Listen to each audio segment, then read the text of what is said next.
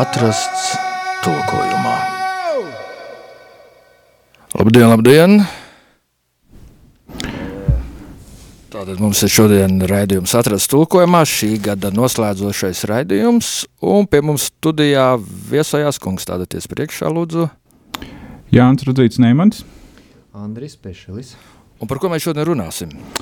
Šodien mēs runāsim par Tobita grāmatu. Labi, sākam.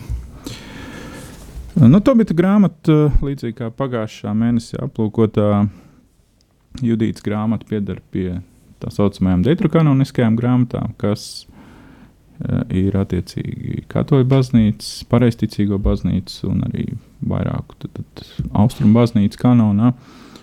Un pēc teiksim, tā pamatteksta pievarēšanas mēs ķerāmies klāt detrokanoniskām grāmatām. Un, protams, Tobita grāmata ir ar saviem izaicinājumiem. Um, šajā gadījumā tā ir pārstāvēta vairākās teksta versijās. Ir garāka grāmatas versija, īsāka.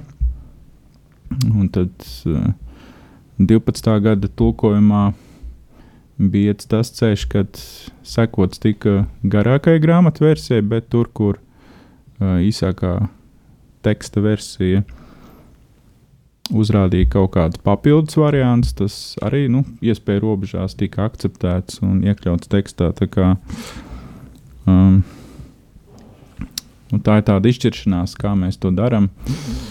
Uh, Ja tas ir diezgan liels izaicinājums iznāk arī tulkotājiem, jā, jo izšķirties, kuru manuskriptu ņemt par pamatu, jā, jo ir Vatikāna kodeks, Sinai kodeks, Aleksandrijas kodeks, Un tur ir varianti, ja, un tomēr ir kaut kā var izšķirt to vidējo, aritmētisko, kā jābūt šim tekstam. Vēl arī par Tobita grāmatu var sacīt, ka atšķirībā no vecās derības grāmatām, deutera kanoniskās ir sengrieķu valodā sarakstītas. Ja, un, mm, interesanti. Un, jā. jā, nu,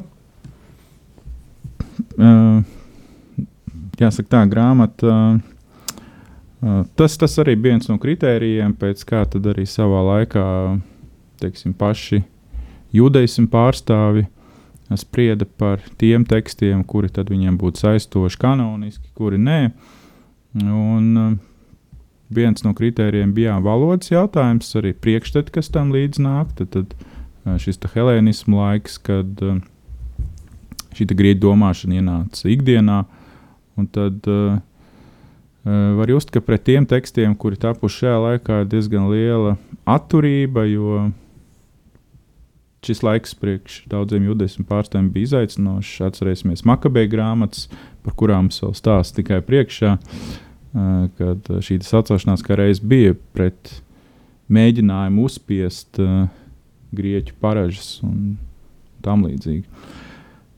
Tā kā teksts visnotaļ interesants tāds stāsts, kas principā savā ziņā turpina Judītas grāmatas šo iesākto ceļu, parāda dievbijīgu kādu judaismu pārstāvu, kas vai nu dzimtenē vai diasporā dzīvo attiecīgi savai ticībai.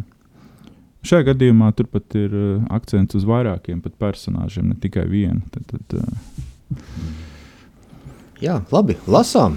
Lasām. 12. gada tulkojumā mēs te, piemēram, pievērsām uzmanību otras nodaļas 8. pantam.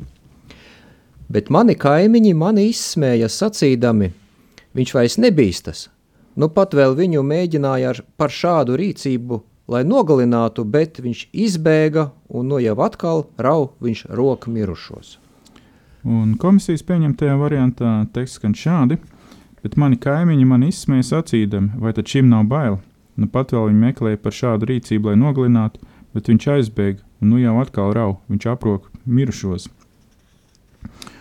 Un tā situācija šeit ir tāda, kad uh, Tobits uh, Tobija tēvs ir ļoti dievbijīgs jūtas, kas aprok visus tos savus tautiešus, kuri nu, kaut kāda iemesla dēļ ir tikuši nogalināti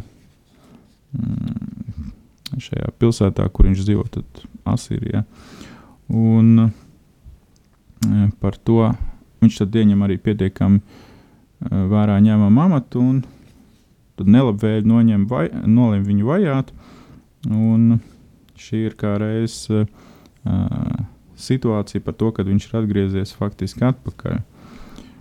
Uh, nu šeit mēs vēlējāmies jā, pirmo, pirmo uh, sacītā uh, teikuma uh, formu mainīt. Jautājums, kas mums te ir priekšā, vai tas ir stāstījuma teikums, vai tas ir jautājuma teikums, vai tas ir uh, izsaukuma teikums. Vai viņi brīnās par to, ka viņš uh, nebīstās, vai viņi uh, dzēlīgi jautā, vai viņi vienkārši to konstatē kā faktu. Mēs pat pielikām šo dzēlīgumu klāt ar vārdu šim palīdzību, vai tad šim nav bail. Līdz šim skanēja, viņš vairs nebīstas. Tā, tā pietiekami neitrāla un bez, bez šīs izsmejošās nokrāsas. Un, jā, pānta beigas, viņš roku mirušos skan, ka viņš Nu, mazums, ko dara. Indiāna Džons, jā, tur kaut ko roka kapenēs. Bet šeit ir domāts skaidri, ka viņš abērē. Jā, savas, tieši tā. Labi, lasām tālāk, otrās nodaļas desmito pantu. Un es nebiju pamanījis, ka virs manis ir bezdelīgu ligzda, un manās acīs iekrita putnu mēsli, un es nevarēju vairs redzēt. Un komisijas pieņemtais uh, lēmums ir šāds. Es nebiju pamanījis putnus virs manis uz mūra, un manā acīs iekrita to siltie mēsli, un tās apduļķojās. Nu, jāsaka, tā teikums uh, šeit bija krietni garāks, uh, vēl aptuveni tikpat daudz, ja ne vairāk, bet tur bez izmaiņām. Šeit, protams, tas interesantais jautājums ir, kas tie pa putniem, vai tos vispār var identificēt. 12. gada versijā bija. Vai, vai nav tā, ka vienmēr ir kaut kāda kraukļa vārnas? Nē, nē, šeit, šeit bija diezgan grūtā izdalīt, kā, jo tas vārds, kas tur tika izmantots, viņu arī izmanto kā vispārēju putnu, līgzdotāju putnu apzīmēšanai. Nu, bet, ja ir vēlēšanās, protams, var jau arī to izdalīt kā bezdelīgi, kā tas arī bijis 12. gada tulkojumā, kur tulks saredzēja bezdelīgu līgstu. Jā, ne?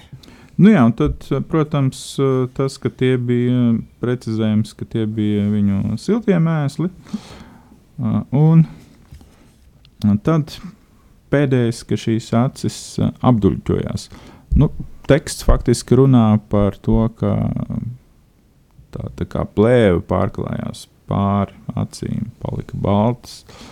Uh, esošais variants, uh, un es vairs nevarēju redzēt, ir nedaudz problemātisks tādā ziņā, ka tur tālāk tekstā, ja palasa, tad Tobico staigāja pie dažādiem dziedniekiem, un jo vairāk viņš gāja, jo sliktāk viņa acīm palika.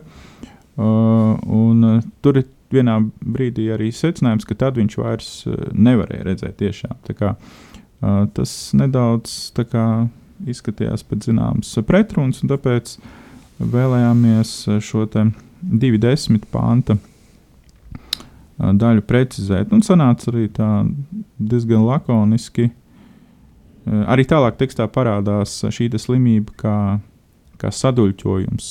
Kā uh, viss kārtībā. Jā, nu, kārtībā gan viņam ar acīm nebija. Nu, jā, ar acīm, jā. jā, jā, tur kaut kas, kaut kas tāds tur tomēr acīm redzot bija, cik labi tur trāpīja. Jā, nu, dažreiz jau saka, jā, tā ir liela veiksma, ka putniņš tev kaut ko uztaisa virsū, bet nu, šeit tas, tas nebija veiksmīgi. Ja jau acīs trāpīja, jā, tad nu, tur bija diezgan nelaimīga tā situācija.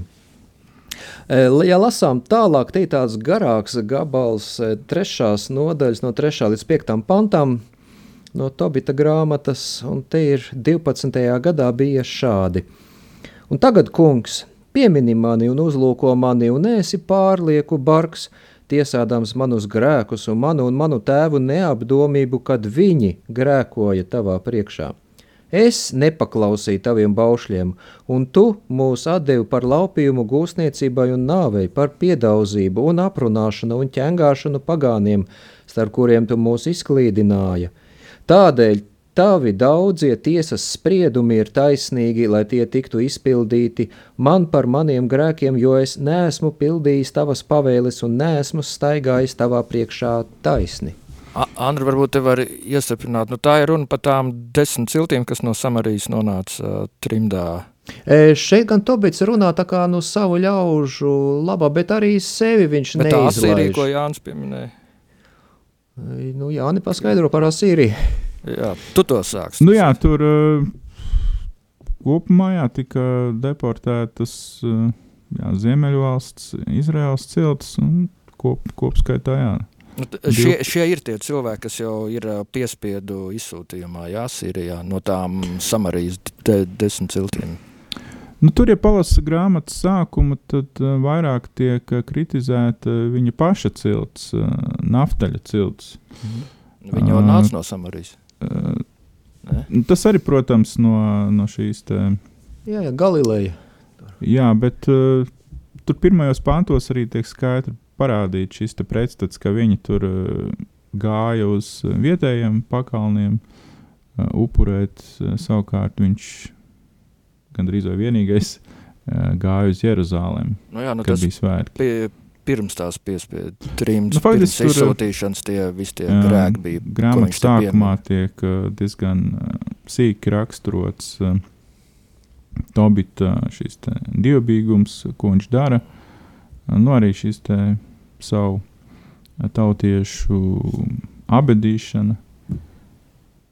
Ka, un, prasīja faktiski, jebkuram, ja kādu pamanu, tad lai ziņo viņam, tad viņš ies aprakt. Mm, varbūt, ja jums nav klausies, varbūt tās ātri iestarpinām te dziesmu. Jā, es varbūt ātri un... izlasu. Vēl, vēl, vēl to jauno, jā, piedāvājumu, tad vielu pārdomām. Mm -hmm. tad... Jā, tieši tā. Un tagad, kungs, piemini uzlūko mani, nesodi mani par maniem grēkiem un manu un manu tēvu neapdomību.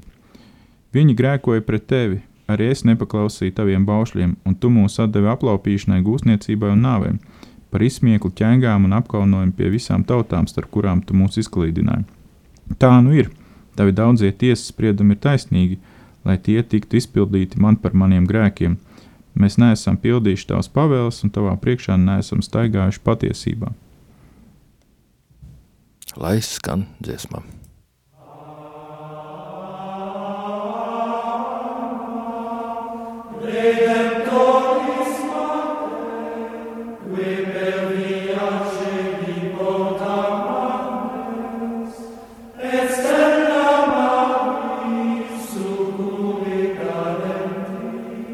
Sus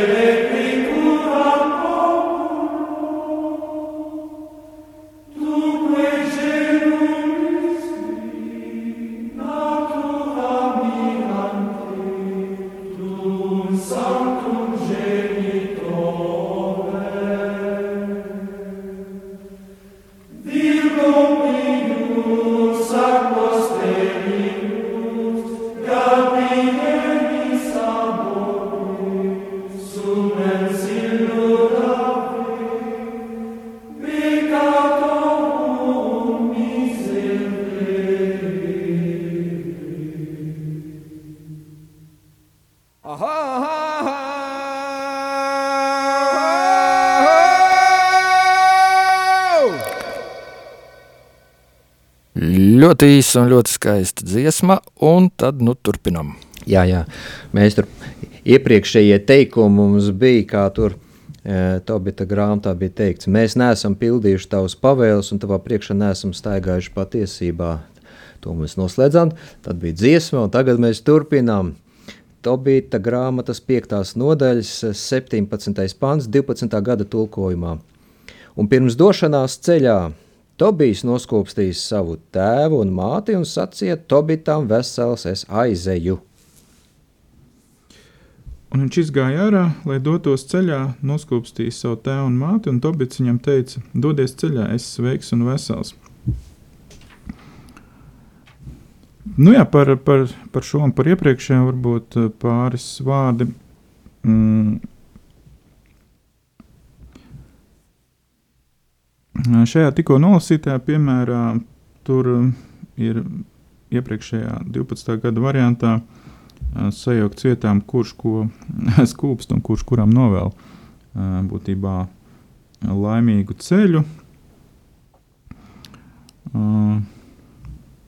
Tas ir tēvs, kurš saka savam dēlam, dēlam lai viņš dodas ceļā un atgriežas sveiks un vesels. Bet atgriežoties vēl pie 3, 3 līdz 5 pānta, man šķiet, tur bija svarīgi parādīt šo nodalījumu, ko darīja konkrēti viņa tēvi, kādā veidā viņi grēko un kā konkrēti runātājs nepaklausīja.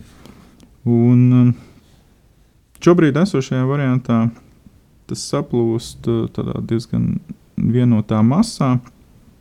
To var redzēt diezgan labi no 5. panta, ka faktiski tas tiek pārnests uz šī runātāja.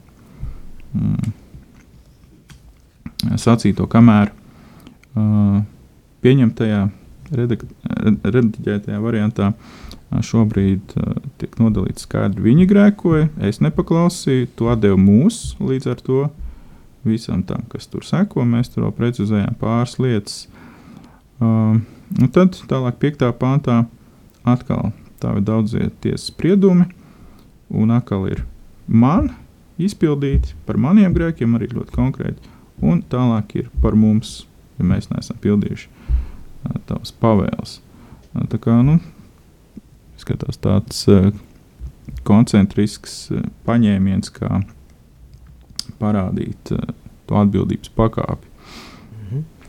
Vēl šajā 5, 17, ko es te saredzu tajā 12. gada tulkojumā, ir tas, ka uh, Uh, nav konsekventi viens vārds lietots šim galvenajam varonim. Uh, tas ir Tobits, bet šeit parādās Tobijs. Jā, un uh, tas arī tiek arī labots un skatīts, lai visur konsekventi būtu izmantots viens tas pats vārds. Uh, nu, Tobijs nu, arī nu, šķiet, glika tulkojumā kaut kur bija arī šis vārds. Un kaut kā es nezinu, kā tas ir izdevies, kā arī latviešiem pat arī uh, Suņa vārdos arī tas ir ja kaut kur iegājis. Atceros, man kaimiņos arī bija tāds suņuks ar šādu vārdu.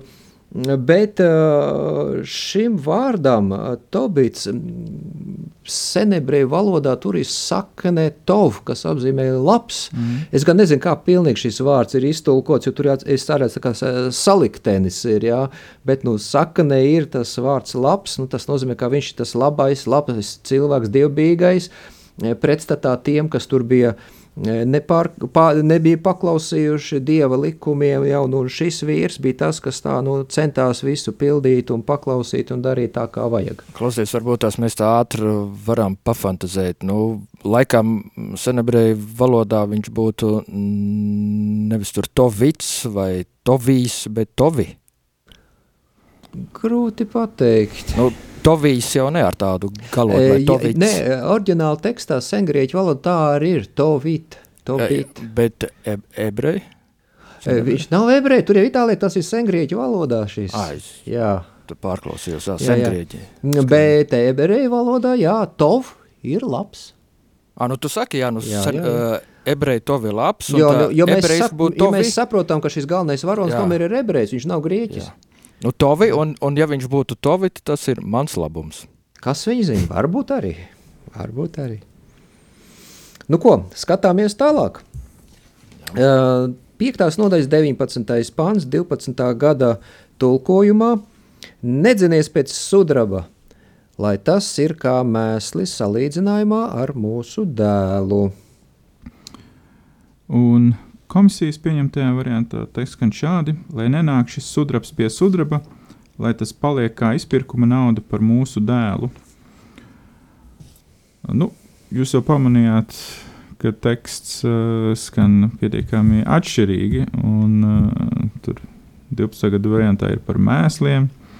Varbūt varējāt varbūt iedomāties, ka es pārteicos, vai Andris pārteicās mēsli un mēsli. Kas tiek maksāta kā izpirkuma nauda, bet nē, tur tā arī bija domāts. Un teksts ir diezgan sarežģīts no, no valodas viedokļa, jo nav īsti teiksim, tā viennozīmīgi skaidrs, kas ar to ir domāts. Nu, tā pirmā pānta daļa ir puslīdz skaidra, lai šis sudrabs nekrājas pie sudraba. Tur, ja grāmatu lasa, tad var redzēt, ka daļa sudraba ir noglabājis Tobits pie sava radinieka citā impērijas daļā, un tad viņa dēlam jādodas pakaļ šim sudrabam, un negrib māti īsti viņu laist prom. Un, šajā gadījumā šos mēslus varētu saprast, ka nu, to naudu uzskata par kaut ko nevērtīgu, ja pretī dēlam, kas tiktu iespējams pazaudēts, ja viņš neatgrieztos atpakaļ. Uh, tur tekstā diezgan uh, bieži pa laikam izskatās šīs briesmas, kas apdraud ceļotājus, uh, dodoties pa tā laika ceļiem. Nu jā. Nu jā. Sarežģīts šis pāns ir, bet nu, tomēr mm, lasot to visu to nodaļu kontekstā, pantu pēc pantas, ja, nu, tomēr tā galvenā doma e, top skaidra. Ja, un, un šobrīd pēc revīzijas komisijas izvērtējuma un, un, un zināmas diskusijas, mēs tad palika pie tā, to 12. gada piedāvāto nu, drusku savādāk pasniegt. Jā. Bet nu, kopumā mums jau ir gan glīka tulkojums, gan šis 12. gada, un šis piedāvājums būs, jā, un varbūt vēl kādos citos tulkojumos. Šo pantu var aplūkot no visām pusēm. Labi, skatāmies, viens pants mums ir sestās nodaļas astotais. Viņš atbildēja – Zivs sirds un aknas sadedzina tos vīra vai sievas priekšā, kad tiem ir piestājies dēmons vai kāds ļaunais gars, un jebkāda ļauna klātbūtne bēgs un atstās tos mierā līdz mūža galam. Jā, un tad komisijas pieņemtajā variantā tas skan šādi. Viņš atbildēja, ziv, zivs sirds un aknas sadedzina to šī vīru vai sievas priekšā, kad tiem ir sanācies, sanācis sastapties ar dēmonu vai kādu ļauno garu, un katrs šāds pretinieks beigs un atstās tos mierā līdz mūža galam. Um, nu, te ir tā situācija, kad uh, var domāt līdzīgi kā par uh, sastapšanos ar sātanu. Tad, tad sātana, vārda sātans sakne ebreju valodā tā ir uh, būt pretiniekam, stāties pretī kaut kam. Un, uh, nereti vecā darbā, ja mēs lasām ebreju tekstu, tad uh, uh, tur, kur ir runa par kaut kādu militāru konfliktu, kur cīnās kāds uh, Izraēla ķēniņš ar, ar pretinieku, tad uh, sanāk, ka viņš uh, ar sātanu vai sātanojas ar kādu burtiski tulkojot. Tā kā Šeit mēs izvēlējāmies nu, tādu, um, mūsuprāt, uh, saprotamāku variantu, un arī mulsināja šī frāze, jeb kāda ļauna klātbūtne beigs. Tāpēc um, vēlējāmies to izteikt, uh, mūsuprāt, skaidrāk uh, caur šo priekšstatu par pretinieku kurā ir arī šis sātaniskais moments iekšā, un ka tas beigs un liks viņus mierā. Šo tekstu saka tad, tad pavadītājs Azarija, kas faktiski ir eņģelis Rafaels, bet Tobijs, ar kur kopā dodas šis eņģelis, lai viņu pasargātu ceļā, to nemaz nezina un tikai stāsta beigās uzzina, kad viņi pārnāk mājās un viņš ziedina Tobija tēvu. Jā, nu šis ir konkrētajā gadījumā ieteikums, un tas te ir uzrakstīts. Ja mēs tā lasām un gribētu kaut ko praktiski atkārtot, un mēs nezinām ne to zivi, Jā, un kur dabūt tās visas tās lietas. Bet e, ir viens ļoti labs padoms, kā rīkoties neskaidrās situācijās. Ja tev ir neskaidra situācija, lūdz Dievu. Jā, mēs tā arī darām. Jā, kad ir kaut kas neskaidrs, kad tu jūti, ka, ka tur ir kaut kas tāds tumšs un nesaprotams, jā, lūdz Dievu, un tad tas arī izgaist. Jā. Runājot par zivi, te gan speciāli neiekļāvu vienu piemēru, bet um, nu, tā ir interesē. Radio klausītājs var nolasīt to vienu piemēru no 6.3 pāris pāns iepriekš, kad uh, Tobijs iegāja Tigras upē noskalot uh, kājas un uzbruka viņam milzīgs zivs. Un tad uh, eņģēlis viņam teica, satver to un savaldi, zēns sagrāba zivu un to krastā pievārēja. Un te mēs labojām to uz sekojušu variantu. Satver zivi un savaldi to, zēns pievārēja zivi, vispirms ūdeni un tad izvilka to krastā. Tā kā nu, tāda kā nianse, bet nu, tomēr viņš uh, tur nogurdināja šo zivu ūdeni un tikai tad izvilka krastā. Jā, bet te, teksts neprecizē, kas tas varētu būt tieši kāda zivs Jā. suga. Nu, cik zināms, Latvijas upēs ir vienīgā zivs, kas tā var uzklupt, kādam ir sams, par tādiem ir dzirdēts. Jā. Vai arī šis ir domāts kaut kas tāds, jā, bet varbūt tas arī nav tas svarīgākais. Jā, te, uh, Nu, Eņģēlis te viņam ir šādu padomu ieteicis. Tā, nu, mums zivs nav, bet mēs neskaidrās situācijās varam lūgt to kungu, un tas kungs arī pasargā, un viss šīs neskaidrās parādības vienkārši izzūd tajā brīdī, kad ticīgs cilvēks jā, pielūdz to kungu. Tieši tā, bet man te nāk prātā atcerieties, kā bija, ka Jēzus tur aklējām, viņš spļaus sa savus iekals, tad vipināja smiltīs, un tas mērēja, Un varbūt tur citreiz arī vēl jēzus laikā, nu, cilvēkiem kaut ko tādu ir tādas praktiskas nodarbības. Ar, ar, ar, pirms tam bija zivs sirdu un aknām, tur var arī ar sieklām un smiltīm kaut kas tāds jādara. Bet Bartimējām vienkārši pateica, es to pie redzīgs, un viņš bez nekādiem šiem jā, jā. visiem ziedēm viņš palika redzīgs. Tā kā e, te acīm redzot ir e, dažādas pieejas, ja kā mēs tur sakam, tas ir tas vizuālais ar audiālais ar dzirdi vai kinestetiskais ar kustībām, kā cilvēkam tu paskaidros lai jā. viņš saprotu. Un, acīm redzot, šeit Jēzus izmantoja dažādas metodas, lai cilvēkus vadītu tuvāk valstībai. Jā, toreiz tās uh, Tobija laikā redz, kaut kas mēs saprotam, ka tur tāds konteksts bija, ka nu, kaut ko ar zivīm arī viņi tur operēja kaut kādos brīžos ar iekšā. Nu, tā tur ir uzrakstīts. Jā, jā ne? Nu, tā vispār tāda diezgan uh, izplatīta praksa tajā pusē, tad divpē uh, tur... Uh, pie asīriešiem? Slimību gadījumā. Viņi to pārņēma ebreji no asīriešiem? Nu, asīrieši vai, vai babilonieši. Nu, viss, kas tur, divi. Uh, tur šāda nopietna rituāla slimību gadījumā uh, tika veikti, un tā, tā ideja tāda, ka um, iztēlojas, ka tā slimība nav kaut kas uh, gaisīgs, viņa tāpat vienkārši pazudīs. Viņa ir kā reizes šāds dēmons. Uh, uzsūtījis, vai vēl vairāk atsevišķos gadījumos pat pats iemājos cilvēkā. Tad uh, viņš ir jādabūna prom, slimība ir jādabūna prom. Un, uh, tā vienkārši kaut kur neizkūp gaisā, to vajag pārnest uz kaut ko. Uh, tam ir vajadzīgs kaut kāds arī fizisks materiāls, kas to dabūna ārā. Kā vēlākos la laikos tas bija cūgubars. Jā, nu, tā, tā iztēlojās, kā, kā ar to var cīnīties vai tikt vaļā. Kā, nu, to jārēķinās. Ko, ko mums laiks jau iet uz beigām, varbūt kaut kas vēl ir jums sakāms šā sakrā vai kāda cita.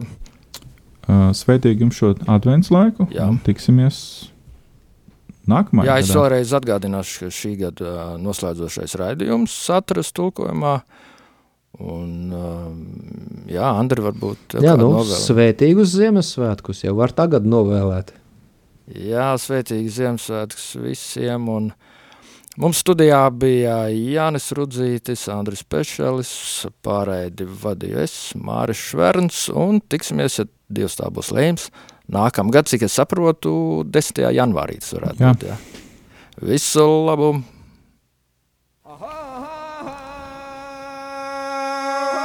Atrasts tulkojumā. Go!